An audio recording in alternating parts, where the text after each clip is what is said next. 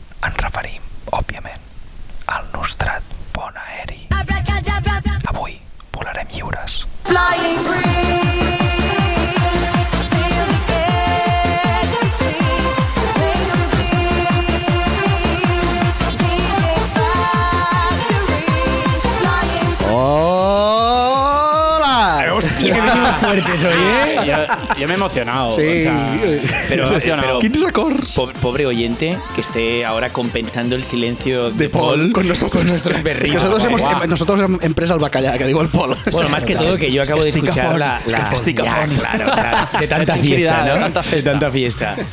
Hola, què tal? Què tal, nois? Com esteu? Doncs de Bé, conya, aquí. moltes ganes de... De festa, oi? De festeta, De, de fer un pont, de fer un pont d'aquests. Revi revivint la infància Sí, directament. sí, oi que sí? I que l'adolescència. sí? Totalment. claro, es que desde que Fer- Carlas es un veterano de guerra, desde que es un jubileta que se mueve con bastones y apenas oye. Yo me acuerdo en la ESO. Ya y- te está jugando una mala pasada tu pasado electrónico, tus La fiestas de tecno. la ¿eh? Ya te estás quedando sordo tú en el también. pon i ¿o en el per què. Avui, avui anem amb molt, molt, és que ho sé, molt de ritme. O sigui, he escoltat totes les coses que hem portat tots i, i, i avui és un bon programa per escoltar mentre feu jogging.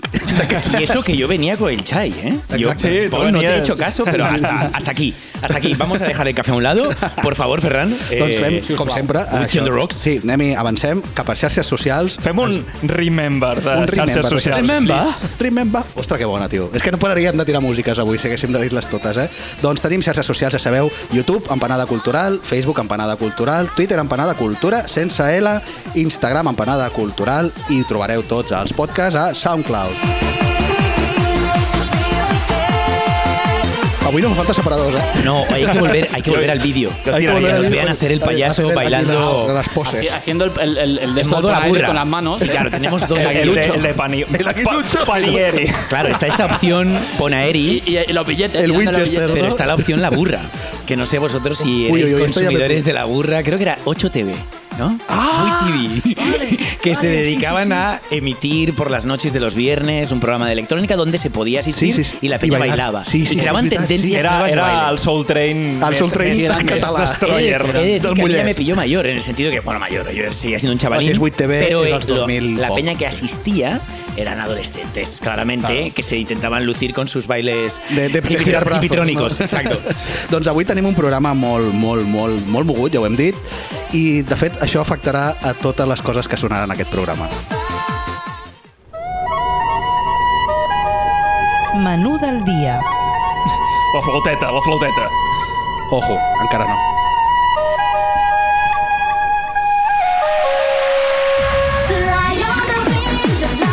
Vinga, Hòstia, a més és xula. versió... Vale, vale, vale, Night, Nightcore. Lo que está claro es que si alguien pensaba que era un guatemalteco de la Plaza Cataluña con, con la fuente... Con el cóndor pasa. No, no. Es, es más de lo mismo, es más de chasis, clar. Xassis, xassis, Fly in the Wind of Love. Doncs avui jo començaré, avui sí que porto secció, i porto una cosa que no és... Bueno, sí, sí que és bastant psicotrònica, no? RuPaul Drag Race. Toma. I, bueno, ja... Yo creo que ya está, ¿no? Ja, ja està.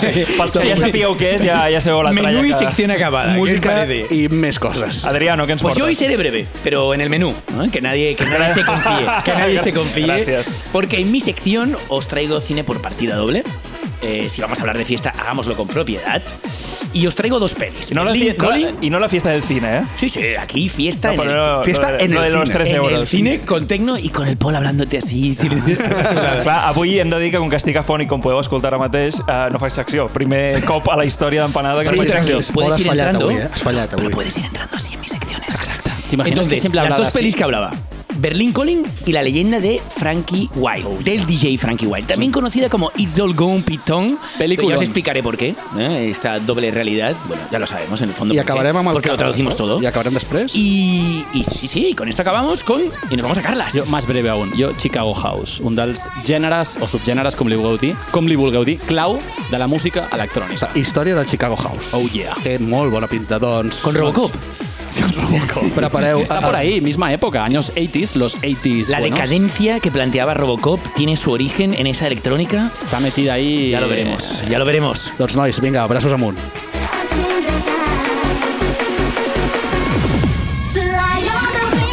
De fet, perdoneu, eh? Perdoneu. És que hi haurà una mica de whiplash. Agafeu-vos bé el coll, eh? Perquè ara fem un canvi una miqueta raro, ja ho veureu.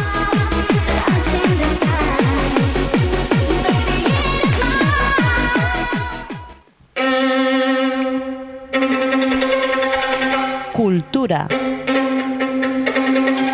Jo ho he avisat, eh? Que... Xassis és cultura, no? Exacte. És pensar que cultura. entraria ara Scorpia o... No, és, el tema és que, clar, no sabia com definir RuPaul, si seria una mena de programa de televisió, per tant, una sèrie, però he decidit que, coi, és cultura. Jo estic convençut que és cultura. Voy a- me gustaría aportar un, Di, di, di. un- un comentario que el oyente agradecerá. Has dicho, no sé cómo mencionar RuPaul.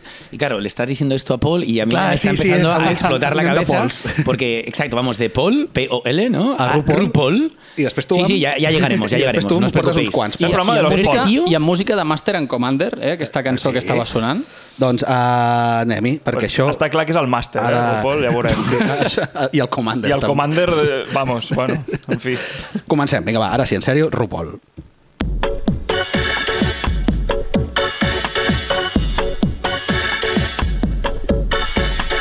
Senyoretes, deixeu la masculinitat tòxica a la guixeta. Apreteu-vos a la, ca la cardolla entre les cuixes i atreviu-vos a descobrir una part de vosaltres que ni sabíeu que existia. Avui us porto a un món de perruques i brillantons, l'excusa perfecta per moure les mamelles. Avui us porto a l'únic, l'inigualable i inimitable RuPaul Drag Race.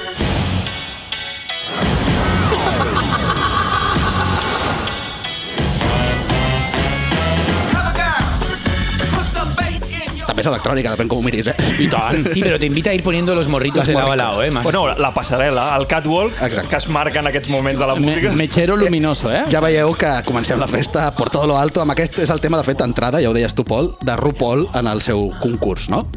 No patiu, Adriano, perquè entenc que molts no tindran ni la més mínima idea de què estem parlant o de qui estem parlant, cosa que m'estranya, perquè RuPaul Sí, sí. és conegudíssim. Acabo de leer Las Reinas del Drag por ahí, te he mencionado, no te he escuchado mencionarlo, así que ya, ya estoy un poco És que, encaminado. com que aquí ha arribat molt tard lo de Sant Jordi, que l'hem celebrat molt més tard, ara encara el sabem més tard amb, el, amb la Rosa i el Drac.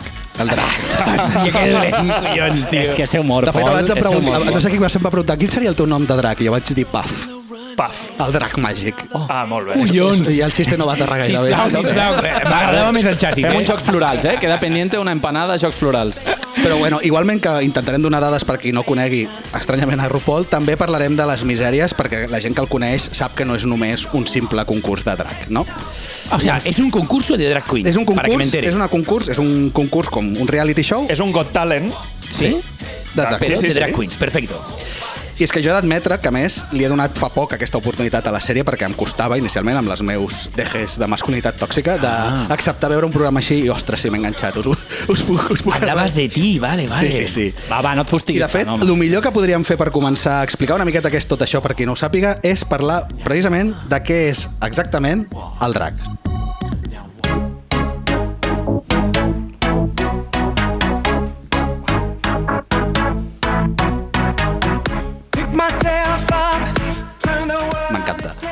Sí, sí, sí, sí, that walk. O sea, camí, sí, sí. pavonéate, ¿sabes?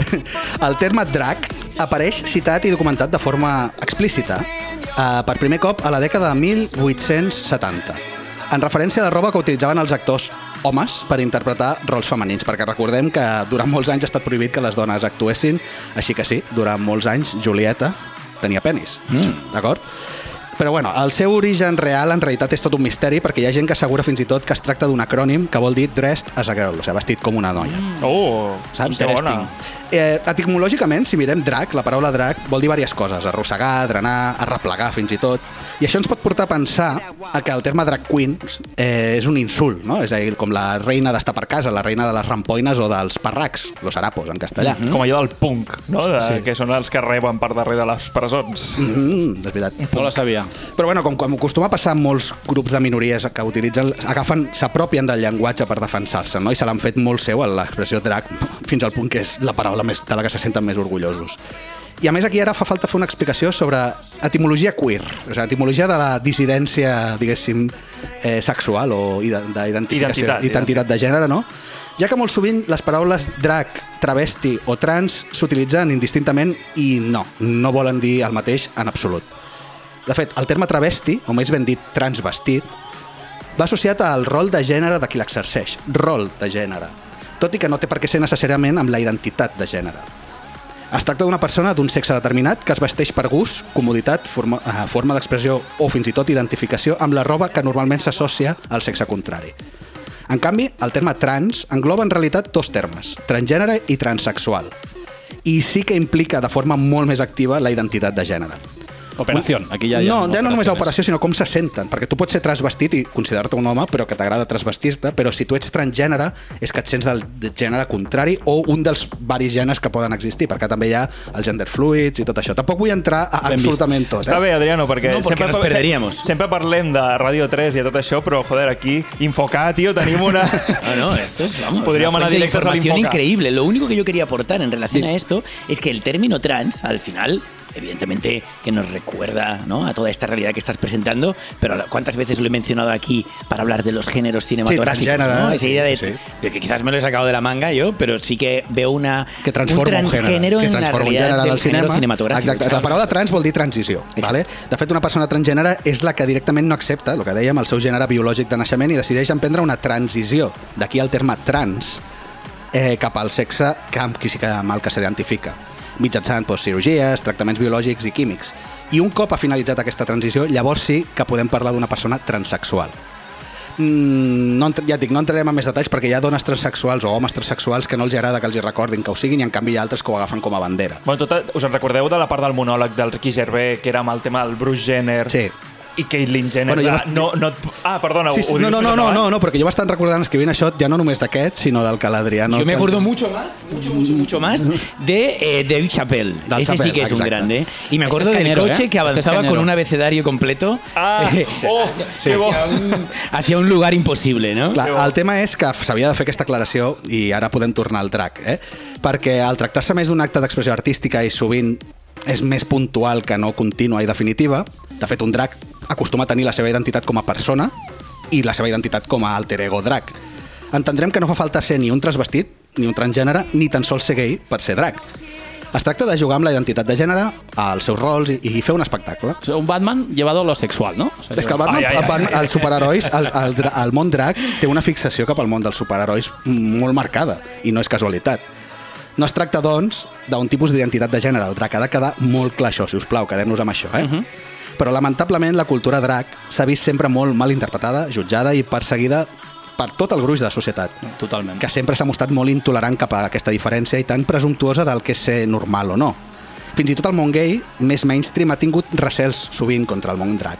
inclús quan el 1969 va haver-hi la famosa redada del club de Stonewall, que Hòstia, és on sí. es va iniciar tot el moviment LGTBI als Estats Units.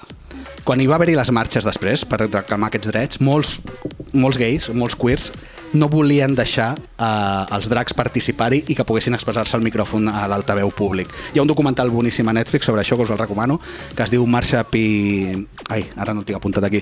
Que és la història d'una drag queen que va morir, a, la, va morir al 92, però aquesta havia estat a la redada, no va poder participar a les, al meeting que van fer el, durant després les manifestacions de Stonewall, i és molt interessant. Digues, Carles. Està, està bé que, que, que recomanis aquest, aquest documental que toca tot el tema de Stonewall perquè hi ha una pel·li que jo crec que no fa cap justícia, que és la, la va fer Roland Emmerich, no? el de Oh, és que- 2012, és- és que- El dia de mañana, és que- i que es diu així sí. Stonewall, Ja sé i, és, ja. és estrepitosament dolenta, o sigui, està bé que, que Fixa't- donem la fixa't bona si recomanació. Fixa't si és dolenta, que ni la recordava i no la vaig tenir gens en compte per això, eh? Fora, fora. I, i escolta, que parlàvem de normalitat, eh? Jo sóc un dels primers que m'agradaria parlar de normalitat com si fos un simple fet estadístic, no? No un, un fet ètic o moral. Però cal ser conscients que, malauradament, es jutja el diferent, el dissident, a la normal, com a immoral. És una llàstima, però és així. I, vaja, em sembla que ens hem posat una mica profuns i estàvem de festa, en veritat. Ui, avui. ens hem posat en un jardí, és veig, eh? Sí, Una no, miqueta. no, bueno, sí. no, però ja va bé, eh? O sigui, anar, anar alternant el, els tons i els ritmes corporals. Però tornem-hi que estàvem a una festa i havíem de parlar de RuPaul. Vamos. I'm that bitch. I, I'm that bitch. I, I, I'm that bitch. That's the way it is. Don't, don't, don't you wish you could be that rich, but you ain't that bitch. It's unanimous. Bueno, llavors, qui és RuPaul? That bitch. Qui és RuPaul? Check it out, check it out. Nascut com a RuPaul Andrés Charles, el 17 de novembre del 60 a San Diego, Califòrnia, es tracta d'un del drag queen més popular del món, almenys perquè fa el món mainstream. Perquè ja et dic, segurament si parlés amb el món drag queen et diran, home, Bueno, ese, Ese es un vendido, ese es un vendido. És. Ai, ai. És, és el Sugar Hill... Uh, saps? És, vindria a ser respecte Ah, del rap, no? Sí, exacte. És la cara visible de, del drac. Doncs eh, RuPaul, va, amb 15 anys, es muda a Atlanta amb la seva germana, on entra a shows de passarel·la, munta bandes underground i practica en eh, participa en pel·lícules com a actor i director. És a dir, que ell també consta com a director. Però no és fins la dècada dels 80 que es trasllada a Nova York i comença a prosperar la seva carrera com a model drag. Participa com a actor a videoclips de bandes com B52 o B52, oh? Yep, yep. amb el Red Red Wine. No, no és el videoclip on surt, però bueno, és la cançó coneguda d'aquest Però grup. UB, UB52, eh? Ah, sí, perdó, UV. Sí, UV. sí, sí, se m'ha borrat, és veritat. UV52, que és el, el nom del bombardero, de fet, és, però vaja. Ah. I forma part, eh, RuPaul, de l'escena nocturna de clubs de, com el mític Copacabana, on fa de showman o showwoman. La veritat és que a RuPaul li dona bastant igual, perquè el RuPaul sempre ha dit una frase que m'encanta, que és You can call me he, you can call me she, You can call me Rick Regis or you can call me Katy Lee. I don't care as long as you call me. Toma. D'acord? Per qui no ho hagi entès, digue'm, digue'm ella, digue'm ell, em pots dir com vulguis mentre em truquis. És És aquella espectacular. cançó de la Blondie, no? De Call Me. Hostia, esto lo decía mi padre, que hablen bien o que hablen mal, pero que hablen de mí. Exacte. Grande. Ja als 90, RuPaul torna al món de la música, aquest cop amb el gènere dance, i ho rebenta a nivell mundial. El seu àlbum de Supermodel, el 1993, puja a les llistes d'èxits i al 96 aconsegueix el seu primer programa de televisió amb el The RuPaul Show. Hostia, que ese RuPaul viene del año 96. Sí, sí. És que- Con razón, tiene 10 temporadas. No, en no, no, no, no, 13. però això és el The RuPaul Show, que és un, un show d'entrevistes, no és el mateix programa, eh? On és, el, que Es el embrión, seguramente. Mm, bueno, és on, on projecta la imatge de portaveu del món drac, vale. no? podríem dir. Aquest programa està a VH1 i és una entrevista a gent de la talla de Diana Ross, ah. Cher, Olivia Newton-John, Cindy Lauper, de fet ja veieu que tots són icones del món gay i del món, i del I món són drac. icones divas. de les tofes que porta Ah, exacte. i, i de les tofes que arriba a portar RuPaul en el seu show. Y Eh? muy 80s, ¿eh? Ya vamos allanando el terreno. Home, és que el RuPaul... Laca. Aquell programa devia ser un núvol de laca. si tiraves, si t'ensenies un cigarro, explotava el plató. Y neones. Doncs passen als 90, als 90 i mitja dècada dels 2000 i aquí sí que, Adriano, arribem a on tu estaves parlant, que és el reality show de RuPaul Drag Race. Clar, s'inspiren en l'època daurada dels, dels realities com Gran Hermano o El aprendiz del nostre estimat Donald Trump. I clar, ella decideix fer aquest programa i el 2009, al febrer, s'estrena. El concurs en si no difereix gaire de les normes que acostumem a veure qualsevol reality. Varis concursants que passen un procés de càsting massiu, que això és... El programa comença abans del programa, perquè hi ha totes aquestes trucades Bueno, de com, càsting. com tots aquests programes de talento, no? I cada setmana, llavors, ja quan el concurs ha començat, es plantegen reptes i desafios i es desfila eh, amb els dissenys i models i maquillatges que s'hagin fet les pròpies trans en base... Eh, perdó, trans vestides, no, dracs. Això aquí hem de ser curosos amb això, eh? Ai, ai. Dracs, dracs. I els jutges decideixen qui marxa cap a casa i qui continua. I així fins que queden uns, uns finalistes, es celebra una gala, tot molt típic. Però clar, la factura d'aquest programa en comparació a altres és espectacular. O sigui, ja només per això, a nivell de muntatge televisiu, a nivell sonor, a nivell, bueno, el, els, mateixos, els mateixos dracs participants tenen un nivell altíssim i, i, i Bueno, és, són és, artistes. és molt seriós. al, final, sí, al final és l'artista que, que puja a l'escenari i que prèviament s'ha fet, s'ha treballat el número, s'ha treballat la roba, clar, mm, yo me lo guiso, yo me lo como. Bueno, pero tiene, tiene algo también de la propia exageración que implica la vestimenta de drag, no nos vamos a Sí, eso lo hace bé, Adriano, barroquismo- tot- tot- Ese tot- barroquismo tot una trasladado al lenguaje cinematográfico o al lenguaje Sí, perquè visual. ara eh, acostumen a fer molts reptes televisius d'actuació. De fet, forma part del drac Sí. no és només perquè hi ha tota una sèrie de, de tipus de concursants. No? Hi ha concursants que són les pageant girls, que diuen que són les xiques de passarel·la, que bàsicament volen semblar la dona guapa. horas, eh, ahí no, però és que les pageant, les pageant girls són, són inclús de, les de les supermodels normals, també són pageant girls. Són les noies que es dediquen a fer passarel·la i, per tant, portar bé un vestit, a ser molt maques. Després hi ha les comedy drags, després hi ha les freak la drags... Hi ha molts Vale, estils. es como Cannes, que tienes o- 800 certámenes dentro del propio una mirada, certamen, ¿no? una cierta mirada. No, però sí que és veritat que és el tipus de programa que engloba com moltes proves, no? Com les 12 proves d'estètic. Sí, pues vindria a ser de... Te n'has de fer passarel·la, però també has de fer el monòleg o l'espot de tele paròdic eh, venent una crema, jo què sé, d'orelles. O, o sigui, sempre hi ha miniproves que sempre algú destacarà més a un o a l'altre, o el de cosir, o el de cantar, o no sé Clar. què. Però sempre hi ha aquest component superhumorístic. Sempre. I el ritme, pel que entenc, És va altíssim, de la, mà- és va de la altíssim, mà, és no? altíssim. De fet, si tu mires a la superfície del programa, veurem que les participants entren en les més que estereotipades baralles de reinones a crits, crítiques, però que en realitat es respira un aire de- d'autoconsciència, que abans ho parlàvem abans de començar, on ells saben que aquesta és la imatge que té dels dracs, diuen, esto es lo que queréis y lo que buscáis, lo vais a tener dos tazas. O sea, és exageradíssim, és divertidíssim, És l'esperpent i el kitsch i tot el Exacte. que vulgueu està allà. però de sobte tot vira cap a lo personal i lo educatiu. És a dir, perquè a, dintre del programa també de sobte et llancen una, la història de Stonewall o et llancen la història d'algun drac en concret i funciona a la perfecció. RuPaul ha aconseguit dur un món tan malentès i sovint prejutjat com el del drac a la primera plana de cultura televisiva. Ja ho has dit, Adriano, 12 temporades, spin-offs per tot el món i amb índexs d'audiència altíssims, eh? I però, clar, llavors què passa? Que en veritat hi ha molta gent que el que diu és que RuPaul ha convertit el drac en mainstream i que això no és el drac de debò. Així que potser que entrem a parlar ja de les coses que se li poden criticar a aquest programa. A small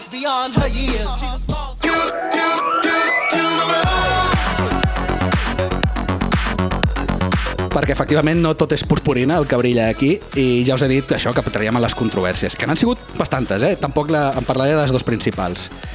I és que una comunitat tan combativa i alerta com és la queer, amb els milers de fronts oberts que tenen, entre les, les diferents lletres de l'abecedari que deia el nostre amic La Chapelle, doncs sempre hi ha hagut problemes d'acceptació, de, de, compre- de compenetració i tal, no? I els milers de matisos no? que té tota aquesta comunitat, doncs RuPaul es converteix en una mena de jugarnaut que es miraran amb lupa. Acusen el programa, com dèiem, de vendre's el capitalisme, de potenciar l'espectacle que li proporciona tants dòlars al seu imperi, perquè RuPaul té un imperi, i que en realitat no està fent cap gest per lluitar contra l'acceptació del món queer, ja no del drac, sinó en general del món queer. Que utilitza l'extravagància del món drac per fer-se ric, bàsicament, i que, encara que maquilli aquesta exposició com a element necessari per visibilitzar el, el col·lectiu, en realitat no fa cap favor més enllà de perpetuar l'estereotip de la reinona. Sí. Que tenim la gent cisgen, cisgènere. És que costa molt, mal- sempre m'ha costat molt dir cisgènere, no? que som la gent que ens identifiquem amb el nostre gènere i amb el nostre sexe. Jo crec personalment que en aquest cas ens trobem amb el típic i clar exemple de fer la guerra o la revolució, no? que, que és allò de... Jo considero, potser per la meva posició cisgènere, de que això és molt necessari, perquè ja us dic, jo no cost... em costava molt acceptar veure aquestes coses i ho has, has de començar d'alguna manera. I des de, des, de for, des de fora sembla bastant extrem. També és veritat que després hi haurà tota una escena underground drag, que no té res a veure amb això i que potser és més extrema, però considero que és la, la millor aproximació que es pot fer per començar a normalitzar tot aquest discurs. Sí, totalment. Però el que no es pot obviar, i aquesta sí que és la polèmica de la que m'agradaria parlar, és la que es va generar el 2016 quan RuPaul, contestant a un tuit sobre si acceptaria transgèneres o transexuals al programa, va dir que no.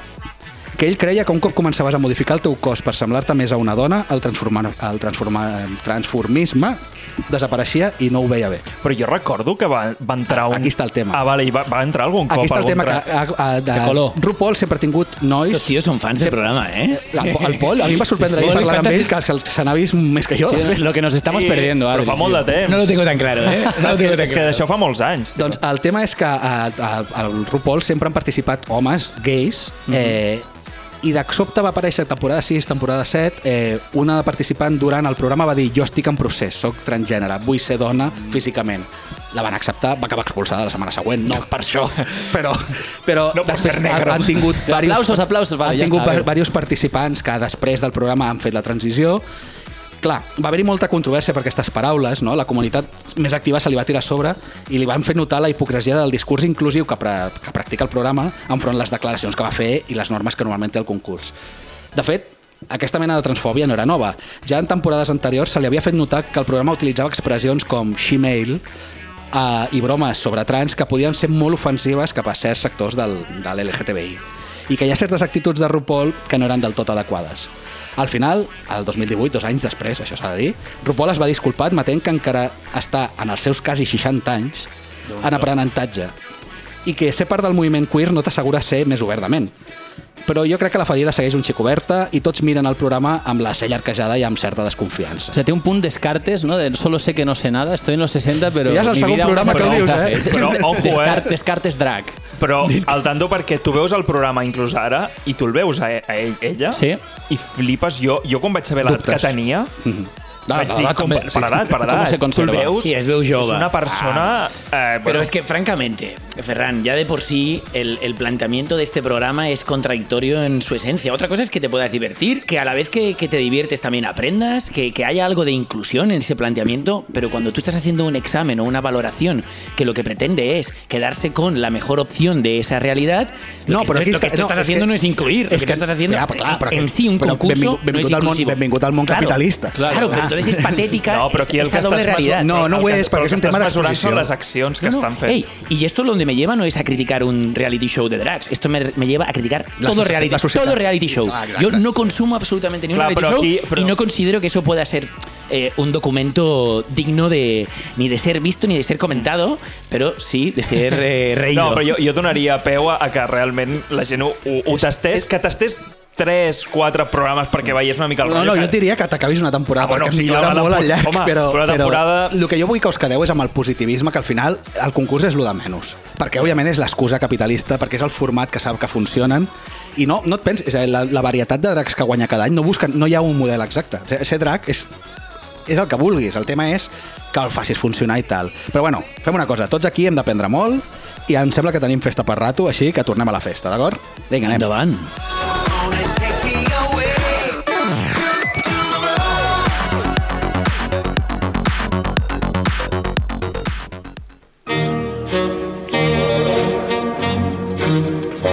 Cinema. Bueno,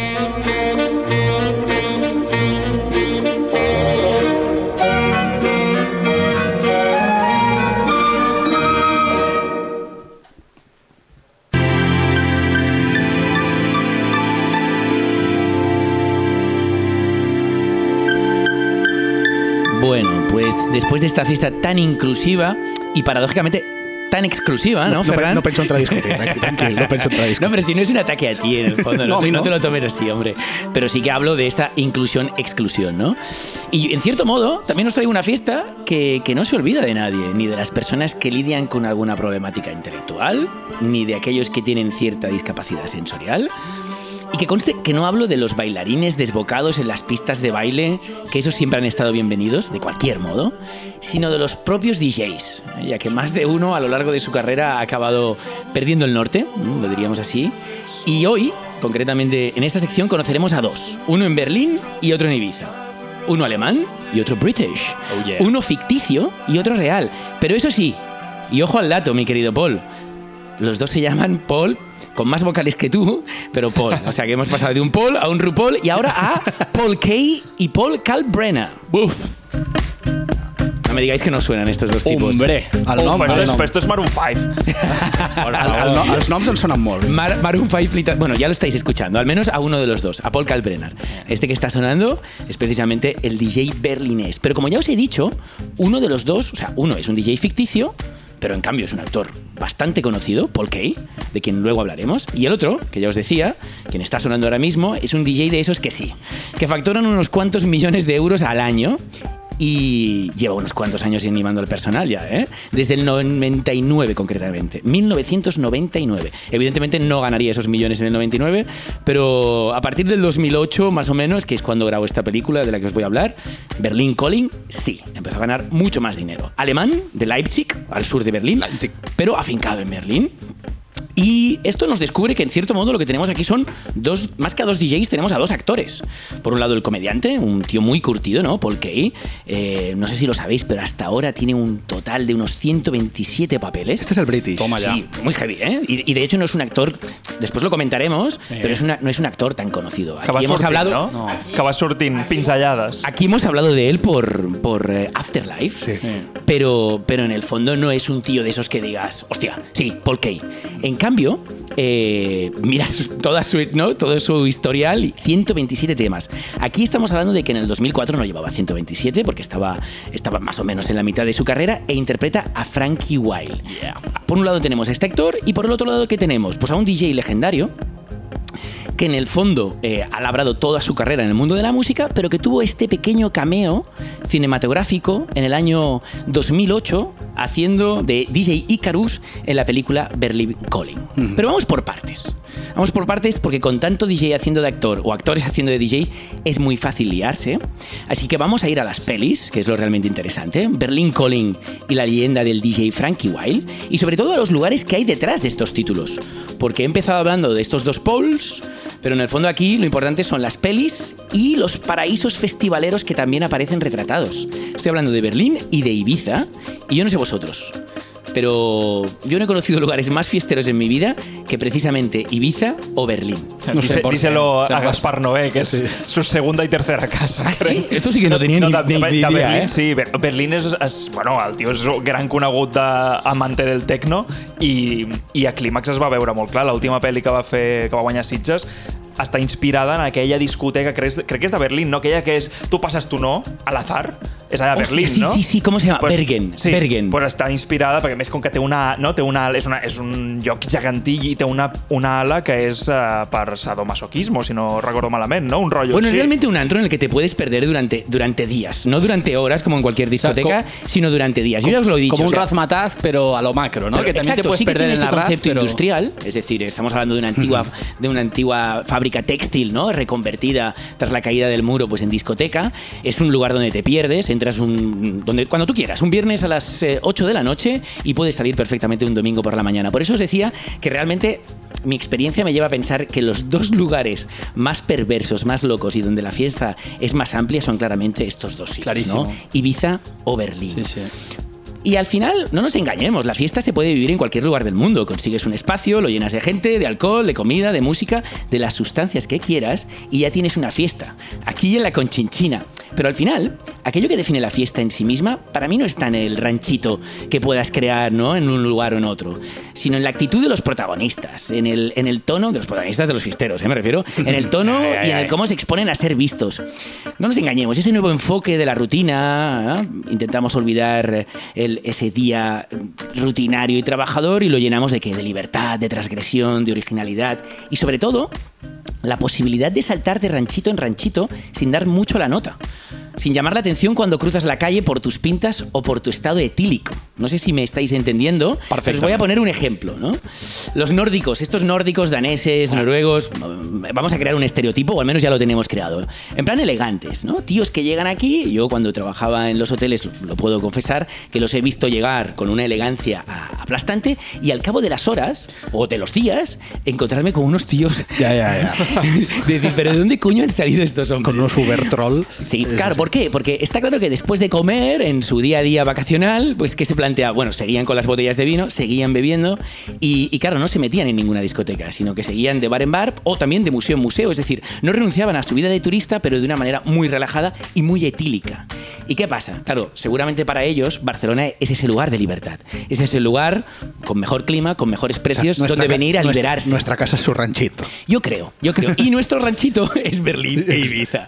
Yo, yo de alguna manera no concibo la ciudad de Barcelona como ese sitio donde, donde puedes cruzar la calle sin, sin ser malinterpretado por ir hasta las cejas de alcohol o de otra sustancia.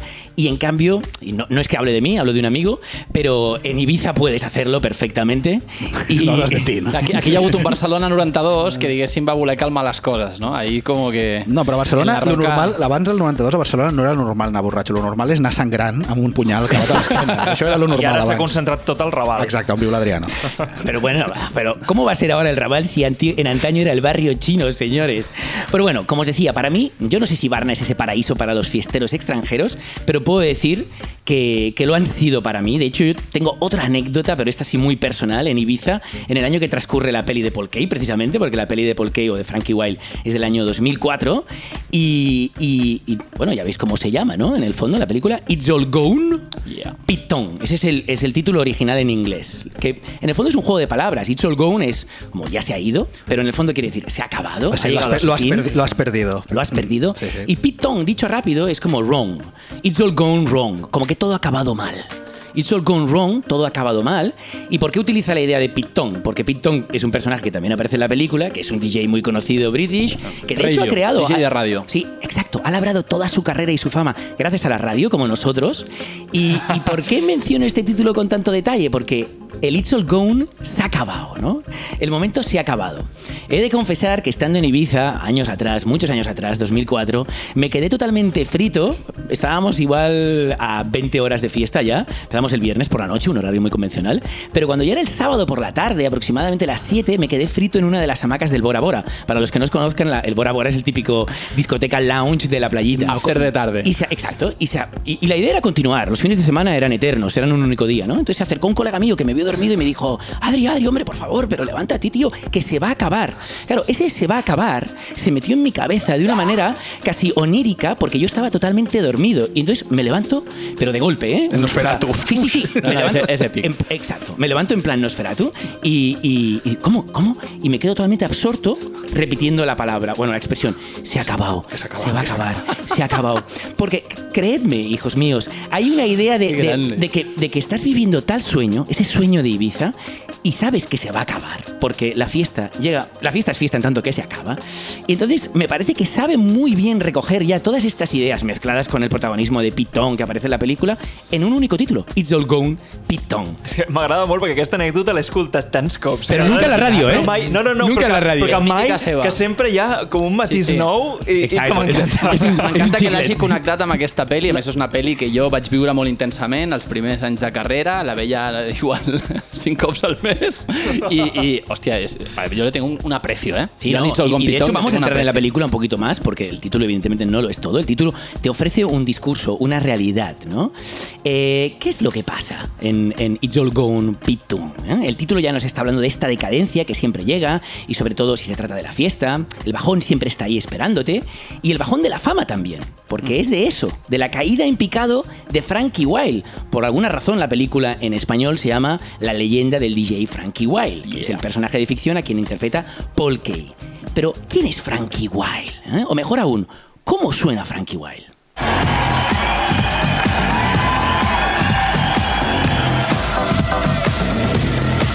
Frankie was definitely one of the best. He had his very sort of own style, his very own momentum with the crowd. I don't think that anyone else did it his way. He's a showman as much as he is a musician. He controls the crowd musically and, and, and physically. Well, he was actually a full natural behind the turntable. There's no doubt about that. I was quite jealous of that, really, because, you know, I always had to try a little bit harder.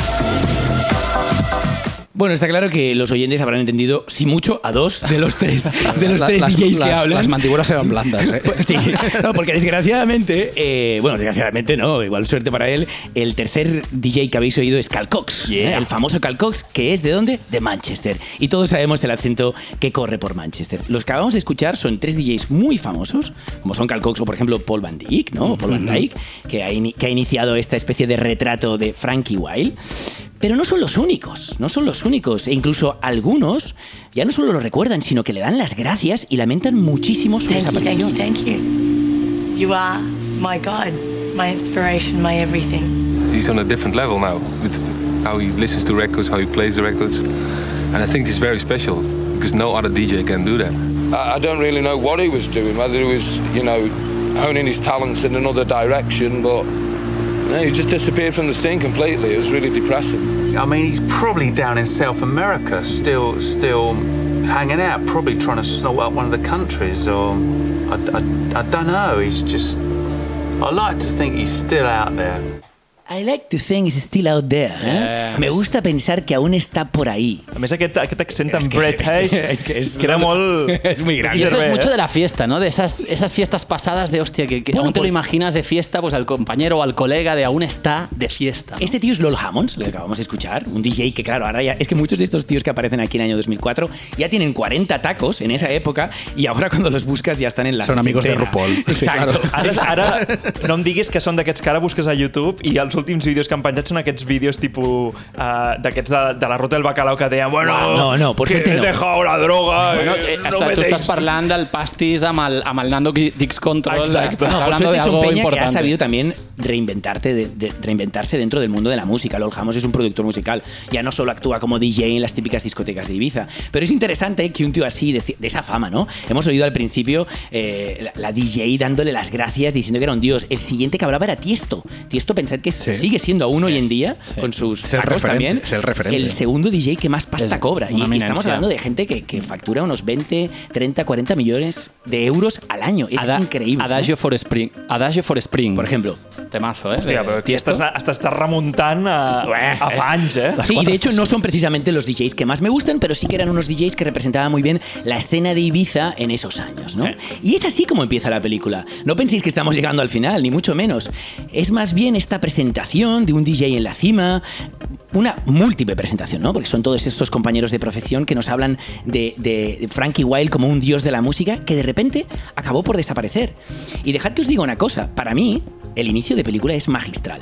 A los pocos de minutos, a los pocos minutos de peli ya estás en plan, hostia, quiero saber más de este tío, ¿no? Eh, además con esa sensación de que me están tomando el pelo claramente, porque hay siempre una comicidad como intermitente en la peli, pero, pero aún así te quedas. ¿Y vosotros qué creéis? ¿Realmente existió Frankie Wilde? ¿Tú sabes que no? ¿Tú sabes que no?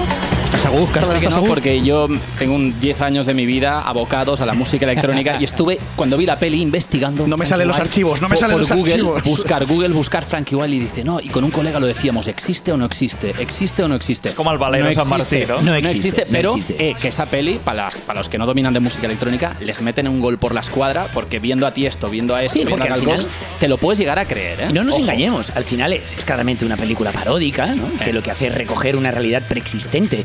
Es decir, ¿de, qui- de quién estamos hablando, eh, para empezar? Porque la dirección recae en el canadiense Michael Dowes, Yes. que hacía aquí su segunda peli, que le gusta mucho trabajar con esta idea de, de- de comedias, parodias y sobre todo musicales. Y es lo que os decía, recrea aquí esa realidad ibicenca preexistente, juega con ella y lo hace de un modo que destila tanto verdad como delirio por igual. Y el que ha vivido Ibiza sabe que eso es cierto, al menos el que ha vivido la Ibiza de la fiesta, Ah, Es, eh, es la- evidentemente. es lo que había hablamos el día de Once Upon a Time, la verdad y la verdad. Exacto. És- Clar, és- perquè jo vaig anar a, a l'hivern i allò és eh, el, El desierto. el, el Ghost Town. Walking Dead Spanish se Edition. puede ¿no? vivir un sueño de Ibiza playero, virgen, ¿no? Aislado del mundanal ruido, se puede. Pero hostia, mejor que te vayas a Formentera porque la fiesta en Ibiza se lo acaba comiendo todo. O también más pasta, ¿eh? Formentera. No, bueno, no, depende, bueno, depende de tu estilo de vida, pero como aquí estamos para la fiesta, Formentera lo dejamos a un lado y seguimos con Ibiza. Porque si hay otro elemento que también hace que la peli sea puro delirio, es Paul Kay. Hemos hablado de él bastante al principio. ¿Por qué me suena, Adrián? A ver, ¿por qué Bueno, me pues suena? porque de hecho te suena y es precisamente uno de los personajes de Afterlife, de la serie que trajimos aquí de Ricky Gervais, que no te funcionaba. Según tú, Ya, verdad. si algo le fallaba a la serie, Era el psicólogo. era Psicólogo. precisamente el psicólogo. Paul Kay hace de psicólogo en la serie de Afterlife y es de alguna manera como, como un Kit Kat dentro de la propia serie, porque aunque juega con un humor muy, muy duro ¿no? y muy ácido, sí que es cierto que lo del psicólogo ya es puro delirio, es un histrionismo máximo y, y de alguna manera yo tengo la sensación que el la Ricky Gervais y le dijo, És "Mira, la continuació del personatge, no? Sí, perquè jo he vist una miqueta del documental pel·lícula, perquè, bueno, m'he quedat a mitges, i és que és el to, és el mateix to, eh? Exacto.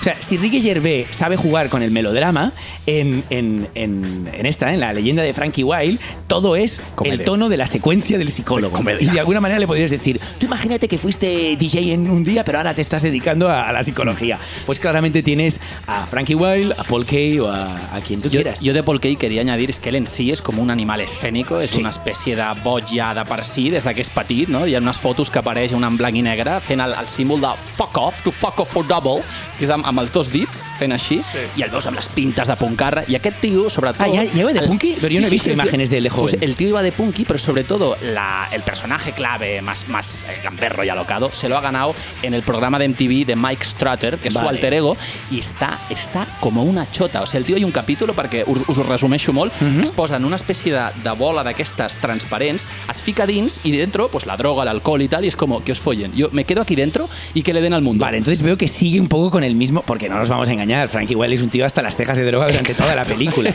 Durante toda la película. Entonces, Exacto. de alguna manera sigue coqueteando con eso, porque Enrique Gervais sí que no se ve que sea un psicólogo más que, más que teñido por las drogas, está teñido por el alcohol, pero, pero tengo la sensación de que esto, de que Paul Kay traslada a la interpretación un poco lo que se mueve Bueno, en su és- vida, que es la locura. Em sembla que és un, Sí. que un actor que, que, que es deu basar molt en ser falton, en ser extrem. Sí. I a mi em va molestar Ricky Gervais, tot i que puc entendre eh, el que dius d'aquestes parèntesis, però en canvi en la part del documental és que funciona. Funciona muy bien. Funciona. De hecho, lo único que encuentro a faltar en el, en el falso documental es, es un poco el tema de que haya unos secundarios más enriquecedores perquè sobre la jo trama. fins on, fins on he vist jo és la dona inicial i ja no sé si Sí, hi ha hay, hay un problema de secundarios. Después hay muchísimos detalles que no os voy a descubrir. Está claro que es un paneo sobre la isla de Ibiza, desde la discoteca Amnesia hasta el acantilado frente a Esvedra. Tienes desde la música electrónica hasta el flamenco, que le ayudará también a encontrar un poco el sentido. No os descubro argumentalmente qué le pasa a Frankie igual en la película.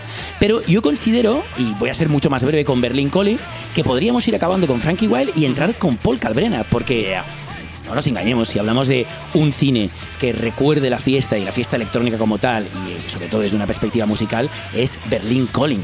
Y en este caso, Paul Calbrena no solo protagoniza la peli, sino que compone su banda sonora. Y eso es. ¿eh? Lo que, ¿Cómo te pillaba el vuelo, eh? Totalmente. Lo que eleva la película a un nivel donde Frankie Wilde jamás llegará, por mucho que se rodee de Tiestos y de Lol Hammonds, es, es, eh, es precisamente gracias a Paul Kalkbrenner. La hemos vivido, ¿eh? Esta, Y es canción, la hemos vivido de fiesta. Claro, es que esto es Sky and Sun, todo un lema eh, dentro de la música electrónica bastante soft, porque no nos vamos a engañar. Sí, es tranquila. sí, Paul Kalkbrenner es un tío más de techno, pero aquí se junta con su hermano, Fritz Kalkbrenner. ¿eh? De nuevo volvemos a tirar de, de la vida real. Que también hemos visto. Y componen, exacto, componen esta gran banda sonora, aunque solo colaboran en este tema, porque Fritz Kalkbrenner es precisamente quien canta. El resto es instrumental, el resto es techno, compuesto por Paul Kalkbrenner. ¿Y qué encontramos en esta peli, en Berlin Calling? Voy a tirar un poco también de experiencias, porque a la hora de la verdad yo, Oye, Berlín, que ya lo conocía... estás abuelo cebolleta, oye. me- me- bueno, porque es que la fiesta y yo hemos sido buenos amigos, hemos sido buenos amigos. La cuestión cuál es que Berlín es una ciudad que yo ya conocía, pero que redescubrí desde una perspectiva festivalera y sobre todo de la electrónica, y lo hice también en cierto modo gracias a esta película. La pude ver en cines allí, es una peli del año 2008. En un primer momento me pasó un poco como a Carlas cuando vería Sí. a Frankie Wilde, que no sabía ni quién era Paul Kalkbrenner, ni si el tío que interpretaba al DJ Icarus de la película era un DJ real o no lo era.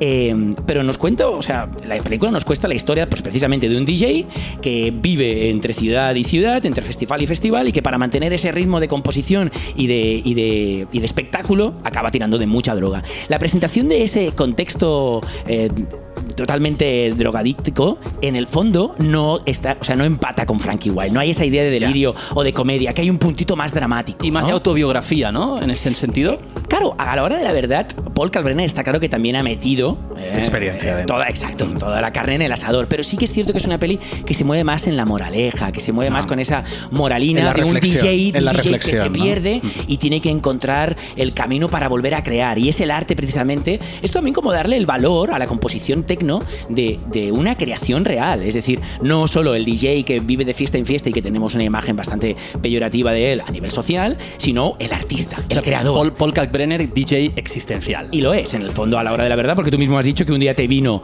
al Palau Sant Jordi a hacer una sesión de una hora y media, ¿no? Clavada. Entonces, Paul Kalkbrenner, no nos engañemos, es precisamente ese tipo de DJ que nos puede contar una historia loca, una historia de drogas, porque seguramente lo tiene en su pasado, pero también nos puede contar una idea, una historia de superación, de volver a encontrar el camino gracias al arte. ¡Ey! Y lo hace además representando la ciudad de Berlín en su música, porque no es solo que nos pueda llevar no es solo que nos pueda llevar a, ese, a, esa, a esa fantasía de amor como la que nos estábamos escuchando con Fritz y Paul, sino que nos lleva a Berlín, a su metro, por ejemplo, como estamos escuchando ahora. Este es un sonido... eh, En Berlín tenéis dos metros, el U-Bahn y el, y el S-Bahn. Y es como hablar del metro y dels ferrocarrils catalans. Es como si cogieran una de las melodías o sintonías dels ferrocarrils catalán para crearte una composición electrónica, que es lo que estamos escuchando. Esto, chicos, es muy Kraftwerk porque tiene una canción Kraftwerk, eh, grupo clave de música electrónica alemán, alemán, y tiene una canción que es Autobahn, eh, que es la, la autopista. Y ellos juegan con la idea de esa modernidad urbanita, ¿no? Llamarle a una canción de techno Autobahn, ¿no? Y me parece genial. sentido hay ahí un Y vínculo, y ¿no? Con Kalkbrenner. Todos los que te- picoteamos un poco con la creación, sabemos claramente que uno de donde tira es de, De su lo propia vives cada- de lo que experiencia. vives cada de su día. propia experiencia. Yo recomiendo claramente las dos películas, sobre todo si tenéis ganas de fiesta y diversión, pero lo que está claro es que una os va a llevar por un viaje musical, de musicalidad y de tecno perfecto, como es la de Berlin Calling y Paul Kalkbrenner, y la otra por un delirio en la isla de Ibiza. Podéis elegir en tanto que personajes, ciudades, fiestas y electrónica o música en general. D'acord, doncs eh, anem a la secció del Carles. Vinga, anem.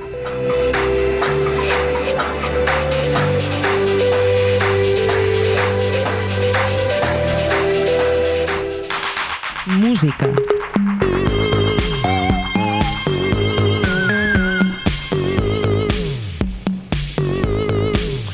Pues está muy bien, Adri, que fueras comentando todo esto, porque yo me voy más al house. Es decir, ahora Pero estamos. seguimos con música, ¿no? Seguimos con música electrónica. Mu, mu, mu- música electrónica. Pero es, es interesante porque tú hablas de Berlín. Berlín para mí es Tresor, es la capital, una de las capitales del techno, junto con Detroit. Hay ese vínculo ¿eh? que lo une la música electrónica, lo une los fiesteros, lo une el, el ambiente claver. Y yo, en cambio, estoy ahí, voy a hablar de algo que está por ahí, que es fiesta, pero me voy a Chicago. Me voy al Chicago House. Estamos hablando de... Paso el un altre cop, perquè jo ja sabeu que... Viajemos con la música, viajar con la música. d'època, con los dis- amb, els, amb els distintius de Roland, de Yamaha, seguim parlant de música repetitiva, accelerada nocturna, però aquest cop una mica... No, el techno estaria a uns 140-150 bits per minut, el house estaria en els 120-130 bits per minut. Eh, aprox, eh? és a dir, us estic parlant a grans trets. En qualsevol cas, us estic parlant del house, de tot aquest flow, aquest flavor afro eh, que té, de Chicago. Eh, és un dels primers grans fenòmens de música electrònica que hi ha. Eh? I com a tot eh, gènere o corrent, sigui de l'àmbit cultural que sigui, sempre hi ha una gran cançó. Eh? O millor encara, un gran temazo, chicos. Eh? En qualsevol cas, escoltem el tema més popular, el més remixat del Chicago House, l'himne discotequero per excel·lència del Chicago House. Oh yeah. You lost in house music is where I wanna be. Ai, ai, ai, ai, Com mola, eh? Dice ahí. És una mica late disco, eh? No, és aquest. Ara entrarem perquè has donat un concepte clau que recuperarem d'aquí una estona. Estem escoltant el Move Your Body Claro, però és que de estos- Marshall Jefferson, eh? de Trax Record del 1986. dime, Adri, dime. 80s, no, no, que això, que això és 80s, tio. Exacte, eh? aquests 80s, Marshall Jefferson, the father of the Chicago House, la veu és de Curtis McLean, un col·lega seu.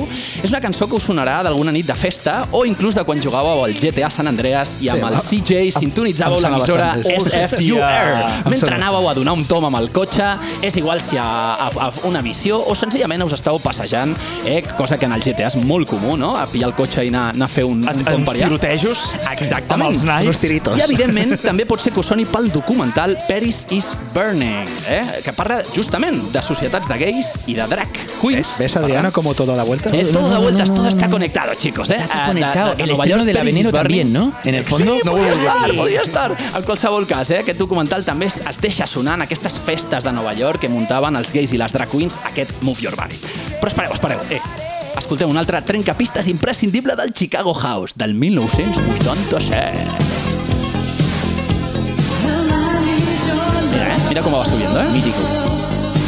No se acaba, ¿eh? O sea, es como un coche, una carretera. ¿Sabes esos videojuegos de, de, de- de la maquinita? Una carretera que mai s'acaba, un horitzó. Como el Pues amor es, del I Mahabharata, need your ¿no? love, I need your love. Y lo voy, lo voy a buscar y no, no consigo ya llegar ahí, infinito. pero lo necesito. Lo necesito Ho, como has- ho has, este ho has dit house. conya, però és que és veritat que la música de molts videojocs com l'Outrun Eh? està basada en el Chicago House. Ah, ahí la sí, fa. sí. Pues tenim aquest Your Love de Frankie Knuckles i Marshall Jefferson era el father del Chicago House. Frankie Knuckles és el godfather del eh, Chicago House. El també de padrí. la Trax Records, exacte. Són cançons creades, ei, quatre duros, sintetitzadors pagats a terminis per artistes que, escolta, que eren uns enamorats del ritme, eh, que tenien la seva feina, llavors feien això doncs, quan podien. I arrodonim, nois, arrodonim aquest tastet. Eh? Hi ha molts, molts temes, eh? ja anirem escoltant, però arrodonim aquest tastet de Chicago House, eh, per cert, Chicago, la famosa Ciudad del Viento, mm? amb un tema que d'alguna manera completa aquest trident hausero més popular a escala internacional. Un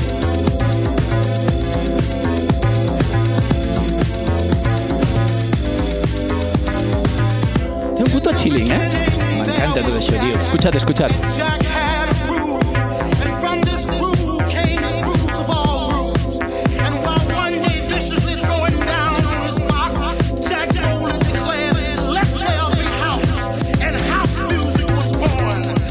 Yo ya estoy dándolo todo, ¿eh? Yo ya estoy bailando aquí, ¿eh? house en medio del programa. Yeah, eh? És a dir, va, a veure, a punt ràpid sobre aquest tema que estem sentint. Té aquest, és aquest punt chill, però és que hi ha una càrrega transcendent molt heavy, ara us diré per què.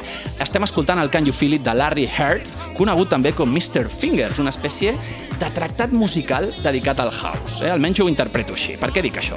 Perquè està basat en una gravació d'un tal DJ Chuck Roberts i conté una força espiritual, una transcendència que no trobes en cap altra cançó del Chicago House, ja que sembla pronunciat per un pastor d'església afroamericana. Eh? Veieu aquest fervor Sí, sí, sí, home? totalment. És un- és un Torna- torna a sermón, posar, és torna un un moment. I totes les senyores amb les mans... I, i la Whoopi Wolver de fons. Exacte, és a dir, estem parlant de la transcendència de la festa, el MC, mestre de cerimònies, eh? És a dir, ja no tenim una banda de rockeros que la gent va veure, no, no, no, no. ara el, el, el, una mica el, el feligrés, el gran pastor de la nit de la festa, qui és? És l'MC, és el Bueno, DJ, todos- és, la, és el que està a la cabina. que la primera fiesta es como un gran bautizo, ¿no? Exacto, muy grande, Adriano. Eh, eh, esa letra, aquesta lletra, que diu? Diu, diu al principi hi havia en Jack. I en Jack tenia un ritme. I d'aquest ritme van sur va sorgir el ritme de tots els ritmes. I mentrestant, un dia tocant agressivament el seu punxadiscos, en Jack va exclamar Let there be house. I la música house va néixer. Va néixer. Però gràcia, perquè sembla el nom de la pel·lícula Jack, de, de House That Jack Will. Oh! És que jo ho veure, Salto de liebre, eh? Sí, sí, Salto sí. de liebre. Bueno, a- però aquest discurs, aquest punt que dèiem, aquesta idea del líder espiritual, carismàtic, a què us recorda? A mi em recorda una cosa molt concreta. Aviam. I have a dream. Però això és posterior, no? Sí, Ja no, no? està, bueno, anterior, clar, perquè estem Sí, dient home, aquests... aquest home sí, però... De què estem parlant? Clar, què és estem a dir, és un remix del mateix tema que us he dit, aquest Can You Feel It, però estem escoltant a Martin Luther King. Amb el seu De I fet- Have a Dream. Exacte, i no us, no us ho perdeu. La caràtula, en el moment, en aquests anys 80, que va sortir del tema de House, del Can You Feel It, a la portada sortia la cara de Martin Luther King i a I Have a Dream, el títol. Llavors, clar, i aquí estem parlant, ei, reivindicació afroamericana, eh? House, festa, nit, droga, ¿vale? Pero reivindicación Lo siento afroamericana. porque mis pols eran blancos, veo que los vuestros no, ¿no? Son morenitos, sí. sí, sí. Se ponen rubios, el menos el mío, pero son morenitos. I nois, un últim apunt. Vosaltres sabeu que jo ballo. Que bailo... Eh, Sí, ho sabem. Ara- ara eh? poc. En barra. Ara poquet, dance. ara- ara poquet, eh? Ara con les muletes. Bé, perquè la cama la tinc La fotuda pels que no ho coreografia és la. Bueno, el cas és que hi ha una curiositat que vull apuntar molt breument i és la idea del verb to jack, del verb jacking. El verb jacking és la idea de portar el ritme dins el cos. És una eina clau que es treballa en qualsevol formació de dansa urbana i que jo ho he mamat molt en formacions, aprenent dansa, i sobretot hip-hop i house, que també és una dansa, el house. I aquesta expressió tan extesa avui en dia, eh, dins el món de la competició de la dansa urbana, sorgeix precisament de l'època del Chicago House, de temes com aquest. Estan parlant d'aquest Jack. Jack Create the House. Eh? Pues això li deien a les festes, el jacking, era la idea com de eh, mover el, el, el, el cuerpo, moure, moure el, el cos al ritme de la música i que això, Pol, a què ens recorda molt? A la música funk. Totalment. Home, això recorda, tornem al Marula, ¿no? Bueno, a mí esto realmente lo que me recuerda es al Christopher Walken, que está sentado y que Ah, sí, empieza, sí. y que Es la empieza- y que cançó comienza de- a de- volar de pel Chemical. cel. O sea, pero que no puede evitarlo, ¿no? Que llega un momento que es como que, uy. Bueno, és que això és el que sempre diuen tothom descriu quan vas a una congregació de, de gent de color, eh? que diu, tu ven a una La gent de missa. color ven a una negra, missa, Ferran. Negros, ven a negros, una joder. missa, ven a una missa, és que hi ha molts tons de negres, i encara... llavors a, a, vas a una missa et diuen no podràs per aquí. I jo un cop hi vaig anar i és una bogeria. És molt heavy. És una bogeria. És molt heavy. Doncs aquest jacking que us comentava ve de temes com aquest i d'altres que directament, temes de l'època Chicago House, que es diuen Jack Your Body, de Steve Harley. Eh, en qualsevol cas, jacking és bàsicament el que és és, una espre... és l'evolució de l'expressivitat que es vivia, com et deia Paul, a través del funk i també de l'etapa disco. Eh? El, disc, el disco ve abans d'aquest Chicago House. Eh? Tots aquests 70s estan plens de disco als No, i Estats se li Units. nota, se li nota. Exacte. Hi ha un periodista, Simon Reynolds, que té un llibre que està molt bé, que recomano aquí a l'Empanada Cultural, que és Generation Ecstasy into the World of House Music and Rave Culture, eh? i que serveix per entendre el context polític, social, en què va aparèixer el Chicago House, i on Reynolds parla d'un abandonament de la subjectivitat i del fet de deixar-se engrescar pel beat de les cançons amb uns moviments bastant més complexos que els del disco, molt des, del, des, del, des de la dansa negra, perquè és que com és un tòpic però és veritat, ho porten al cos, tot això, aquests ritmes, eh, el, el, seguint la música, i parlem d'uns ritmes, d'uns balls mm, frenètics, perquè el house, com he dit, és més accelerat que el disco. En qualsevol cas, partim del fet hi ha una cosa aquí que, que encara no he dit, no? que és el fet de que ho comentàvem ara, Adrià, a través de, de, de la teva secció, no? és a dir, no hi ha un coneixement molt extès de, de la música electrònica, menys encara del Chicago House. Eh? Llavors és important donar una visió de context una mica que s'allunya una mica de, de lo que és la música, però ve molt al cas, molt, molt al cas. Es- Escolteu això perquè, perquè promet. El tema és, finals dels 70, eh? el record del desastre de la guerra de Vietnam encara està molt present, es respirava un clima polític i, i social de violència i descontent. I què passa? Que el 1979 hi ha un fet que d'alguna manera serveix quasi com a termòmetre per mesurar la temperatura d'aquest clima setanter de violència, de descontent que es vivia als Estats Units i que afecta en aquest cas a, a la música. Estic parlant, nois, de la Disco Demolition Night. Imagineu-vos, un partit de la Major League de Béisbol entre els White Sox de Chicago i els Tigers de Detroit. Una promo en forma de performance per revifar la temporada dels White Sox, que per cert estava fent una temporada bastant dolenta. Bueno, els White Sox en general. Imagineu-vos, White fitxa... Sox. White Sox. Sí, sí, sí, sí. Discos... Ara, ara, ui, ui, ui, m'estic avançant. Eh, sí. Hi ha un fitxatge estrella, vale? eh, per, aquesta, per un partit, vale? que és un tio que parlava a la ràdio d'allà a Chicago, que es deia Steve Dahl, un locutor radiofònic eh, amb un punt humorístic, vale? que tenia un punt, com els americans diuen, shock jock. Què vol dir això? Doncs un comunicador una mica troll, eh? un DJ i un locutor doncs, amb aquest punt polèmic tan al gust eh? Del, de les audiències nord-americanes. Doncs el cas és que en el seu programa aquest Steve Dahl va anunciar, perquè l'havien fitxat per fer la promo del, de, de, la, la nova temporada dels Sox, i no sacs, Sox. I què va passar? Que va anunciar, que va dir, escolteu, mira, oients, porteu al pròxim partit dels White Sox vinils de música disco i els cremarem, els destruirem allà mateix enmig de l'estadi. La gent que porti al camp el dia del partit vinils per cremar aconseguirà una entrada a meitat de preu. Què us creieu que va passar?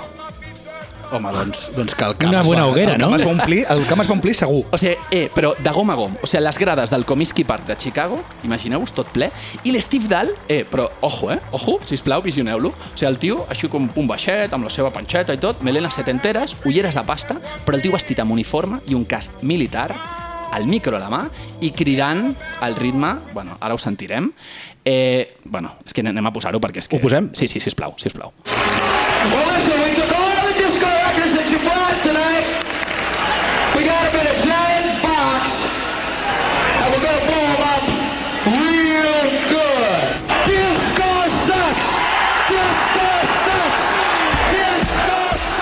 Disco sax. La gent esbaradíssima, que us podeu imaginar, o sigui, com una, una manada de lobos, no?, en un teatre, poses una gallina a l'escenari... vas- Bueno, el cas és que la gent... Saps què m'ha recordat? Digues, No sé si digues. us recordeu quan vam fer el programa de música, sí? que, que, Sí, que vam fer sí, sí, enllaunat, a la secció de disco que vaig portar, vaig portar el tall del Duke Nukem dient sí. Oh, I hate disco. Podríem llançar-ho. És que hi ha tota una part d'Amèrica que ha odiat el disco sempre i suposo que perquè el, el contraposen amb una miqueta el que deuen passar amb la nostra generació i el trap, Sí. que és en plan, ens recorda el que no hem fet. Saps? Jo no he sigut mai tan despreocupat com la gent que anava als clubs, no? En aquell moment, doncs ara jo mai he sigut un millennial d'aquests que no es preocupen res més que de penjar vídeos a TikTok. No? I suposo que hi ha tota una cultura blanca, principalment, Sí, sí, sí. als Estats Units, i més als White Sox, que m'imagino que és en plan, recuperemos lo que es de verdad blanco, el rock. Sí, claro. Exacte, i o sigui, tu imagina't pancartes de Long Life to Rock and Roll, però aquí de lo que estem parlant, i sobretot el que vull destacar, és com aquest punt de purga musical, eh? aquest punt de d'intolerància, d'homofòbia generalitzada, perquè al final, ojo, el disco era, ah, això és música para gays. Eh? El rock és de machos, el disco és para homosexuales. És a dir, vulguis o no, estava extès una cosa que, bueno, que encara perdura avui en dia, però jo podria parlar quasi d'un hooliganisme cultural, en aquest sentit. Eh? Llavors, en aquest context de rebuig, ara sí, apareix aquest Chicago House, que sobretot es desenvolupa durant els 80, vale? hi ha una energia, unes ganes de passar-ho bé, eh? unes arrels funk, una cultura DJ i unes textures electro que venien de Nova York, aquest punt casero de do it yourself, eh? de música feta a casa, vale? però no ho neguem, és a dir, és una cosa que sorgeix com a raconada, com una mica marginal, perquè és que la situació era aquesta, de dir, esta música electrònica que se vive por la noche, això fora. Aquest disco, això fora. Llavors, el house hem d'entendre, i sobretot el, el Chicago House, que és l'original, que neix de les cendres d'aquest d'aquest eh, disco. Neix de les cendres de la fiebre del sábado noche. Neix de les cendres, pràcticament, dels pantalons acampanats de John Travolta i dels falsets dels Bee Gees. Vale? Llavors, això és, és superimportant per, per entendre una mica eh, el house, no? Dit això, nois, eh, vosaltres preguntareu, no? Chicago House, el més important, Vale, és a dir, hem destacat tot això, però jo, jo ja vaig una mica al- als punts clau, que és The Warehouse. Eh? The Warehouse és la discoteca que d'alguna manera va ajudar a popularitzar el house durant la dècada dels 80. DJ resident Frankie Knuckles, que l'escoltàvem fa una estona, amb aquest Your Love, eh? aquest Your Love que estàvem escoltant. Eh, Music Box era una altra, una altra discoteca. No el de Barcelona, eh? Bueno, és que aquí està el tema, el del famós Music Box del carrer Beethoven, el, el nom sorgeix d'allà, del Music Box de Chicago. Mm. Eh? M'encanta que sigui el carrer Beethoven. Sí. bueno, emissores... Però diu eh, que surt, surt sord. Sí. Emissora- Beethoven? Molt bona. Emissores com eh, la que dèiem del GTA, pues, eh, va, va existir una que era, era pràcticament, la gent escoltava l'emissora com el CJ del GTA, no? Es deia eh, WBMX i allà escoltaves tot el house de l'època. I de DJs n'hi ha hagut un fotiment. Dit això, nois, eh, passem... Jo vull posar, si plau un tema estrella, vale? que a mi mola molt de house eh, i que jo crec que també ajuda a popularitzar aquesta fama del Chicago House al llarg dels 80. Així que DJ for Run on Decks. Boníssim,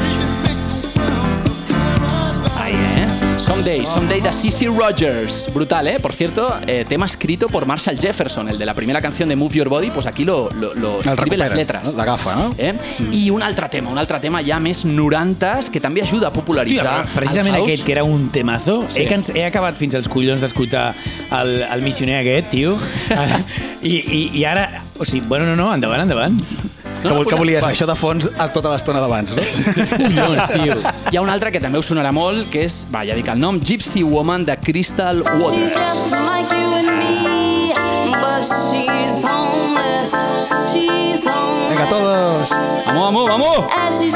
Pues nois, eh, aquests són una mica els grans temes de House. Evidentment, la cosa ha anat evolucionant. Què passa si dic Laurent Garnier? Bueno, Laurent Garnier, Afex Twin, serien els que el House l'han anat recuperant eh, des d'aquests anys 80 fins al present, amb una vessant més tecno, amb una vessant més dura, amb una vessant més lisèrgica i més dark, quizá más Berlín, Adri, que seria el Acid House. ¿Eh? Y Hacemos un paso como horizontal, ¿eh? digamos, i amb clubs eh, com eh, de Hacienda, de Manchester, eh? allà és on aquest house es, arriba a Europa, de, desembarca a Europa i ho segueix patant. Però tornem a Chicago ja per acabar, nois. Eh, curiositats, vosaltres sabeu que mira si el Chicago House va tenir popularitat, que hi ha carrers a Chicago que porten noms dels DJs, Jefferson Street, Frankie Knuckles Way, inclús l'alcalde del 2005 que estava go- governant en aquell moment, un tal Mayor Daley, va batejar el 10 d'agost com el House Unity Day. Eh? Ah, molt bé. Però això no seria per conciliar les cases, saps? Allò de que puguin pagar a final de mes. Clar, és que aquí hem d'entendre una cosa. I carrer Jefferson potser és de los fundadores Sí, de la pàtria. clar, Hamilton. A veure, aquí les pajas, eh? En qualsevol cas, aquí el que hem de destacar és aquest esperit gregari, aquest esperit festiu de la música house, en aquest cas com a valor ciutadà, però sota, hòstia, de, de, de querer-nos mucho. Penseu que el house pues, ve del moviment hippie, d'aquest disco, llavors hi ha aquest De quants punt. llocs ve el house, al final? De tots, Bueno, no? de- De su casa. No, però, però ho hem de tenir present, perquè al final és De la discoteca del també. Litus. El, la disco es viu a la discoteca, el house es viu a la discoteca, però sobretot, sisplau, sisplau, tinguem en compte això i rematem amb un tema que per mi té una nostàlgia pura, vale? que és una cançó que es diu In the Beginning, In the Beginning, per cert, estrofa de la cançó Can You Feel, que hem escoltat abans, i on tornem a veure amb uns quants anys més a sobre i amb uns quants quilos més a sobre, aquests DJs dels 80 al Chicago House, Hot Mix 5, Frankie Knuckles, Mr. Fingers, Chick Roberts... Eh? I és, és molt interessant perquè et veus una escena d'un judici, però al final o sigui, veus que estan jutjant el house, és una situació al videoclip d'aquesta cançó estan jutjant el house, i llavors veus a tots aquests puretes que a sobte és com, oye, esto es una fiesta, vamos a pasarlo bien, perquè el house sempre ha estat això, ha estat un ritual de la rauxa.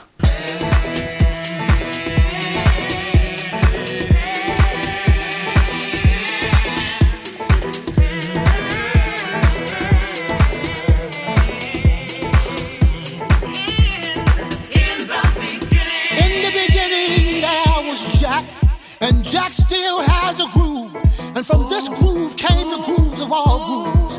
And while one day viciously throwing down on his box, Jack boldly declared, Let there be house. And house music was born. I am, you see, I am the creator, and this is my house. And in my Què es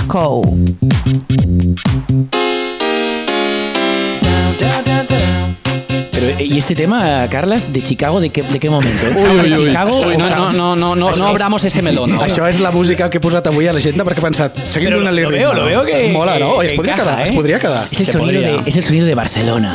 De esos, de esos noruegos borrachos por la tarde. Doncs anem a l'agenda, de anem a l'agenda, vinga. Sí, va, dejamos la música a un lado, que bueno, nos acompañará siempre, pero enfocémonos en el cine que hay esta semana. De hecho, ya está en cartel. Pinocho, Uno para Todos. Son dos películas que mencionamos a raíz Sí, del Barcelona Film Fest.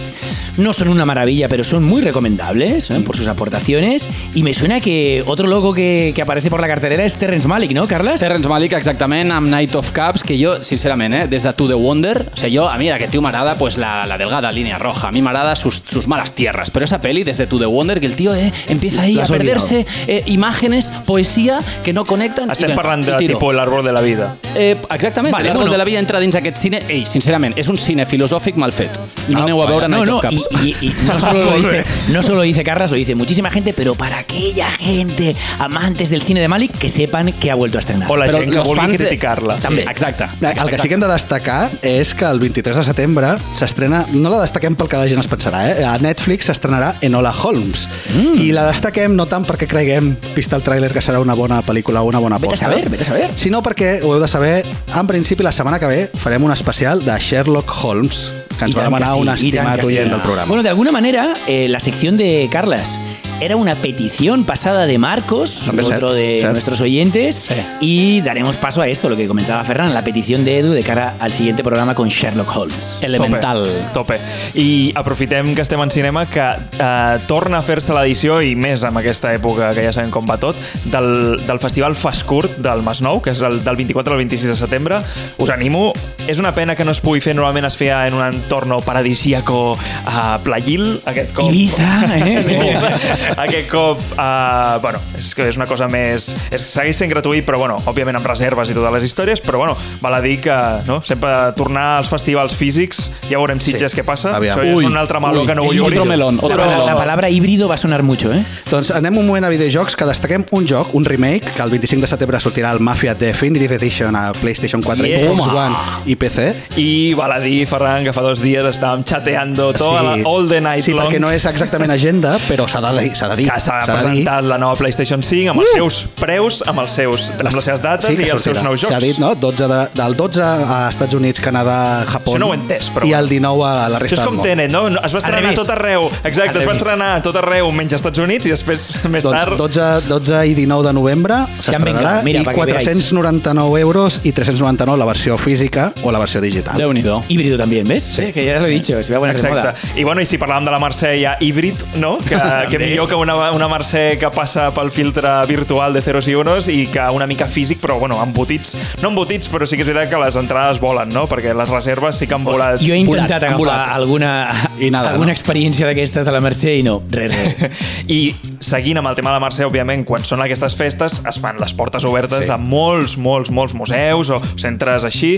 Uh, per exemple, Palau 24 Robert, hores no? de, obertes el dijous 24, com Nacional. al Palau Robert, Caixa Fòrum, al Pavelló Mies van der Rohe, a Museu de Disseny, Museu d'Art. Contemporani, a l'Art Santa Mònica, o sigui, hi ha moltíssims. És com el Le Mans de los museos. Escolteu això de fons? La ruta de los museos. No, Vamos, yo, me nos quedado, vamos. yo me he quedado con ganas de escuchar más Vaya Someday. Gypsy Woman, que, y me voy con el... doncs prometo que algun dia te la, te la tornaré a posar, però hem d'acabar amb un temazo mític. Aquest programa de festa que hem fet avui ha sigut trallero, trallero, putrum, putrum, eh? Gas, gas, gas, gas. Vámonos pa'l por ahí. Recordem Venga, molt ràpid les xarxes socials, YouTube, Empanada Cultural, Facebook, Empanada Cultural, Twitter, Empanada Cultura, sense L, Instagram, Empanada Cultural i els podcasts els trobareu a SoundCloud. Vinga, nois, putrum, putrum, no? ¡Vamos, vamos, que nos vamos! Yo, yo, yo, yo, yo, yo, yo, DJ for Ryan. See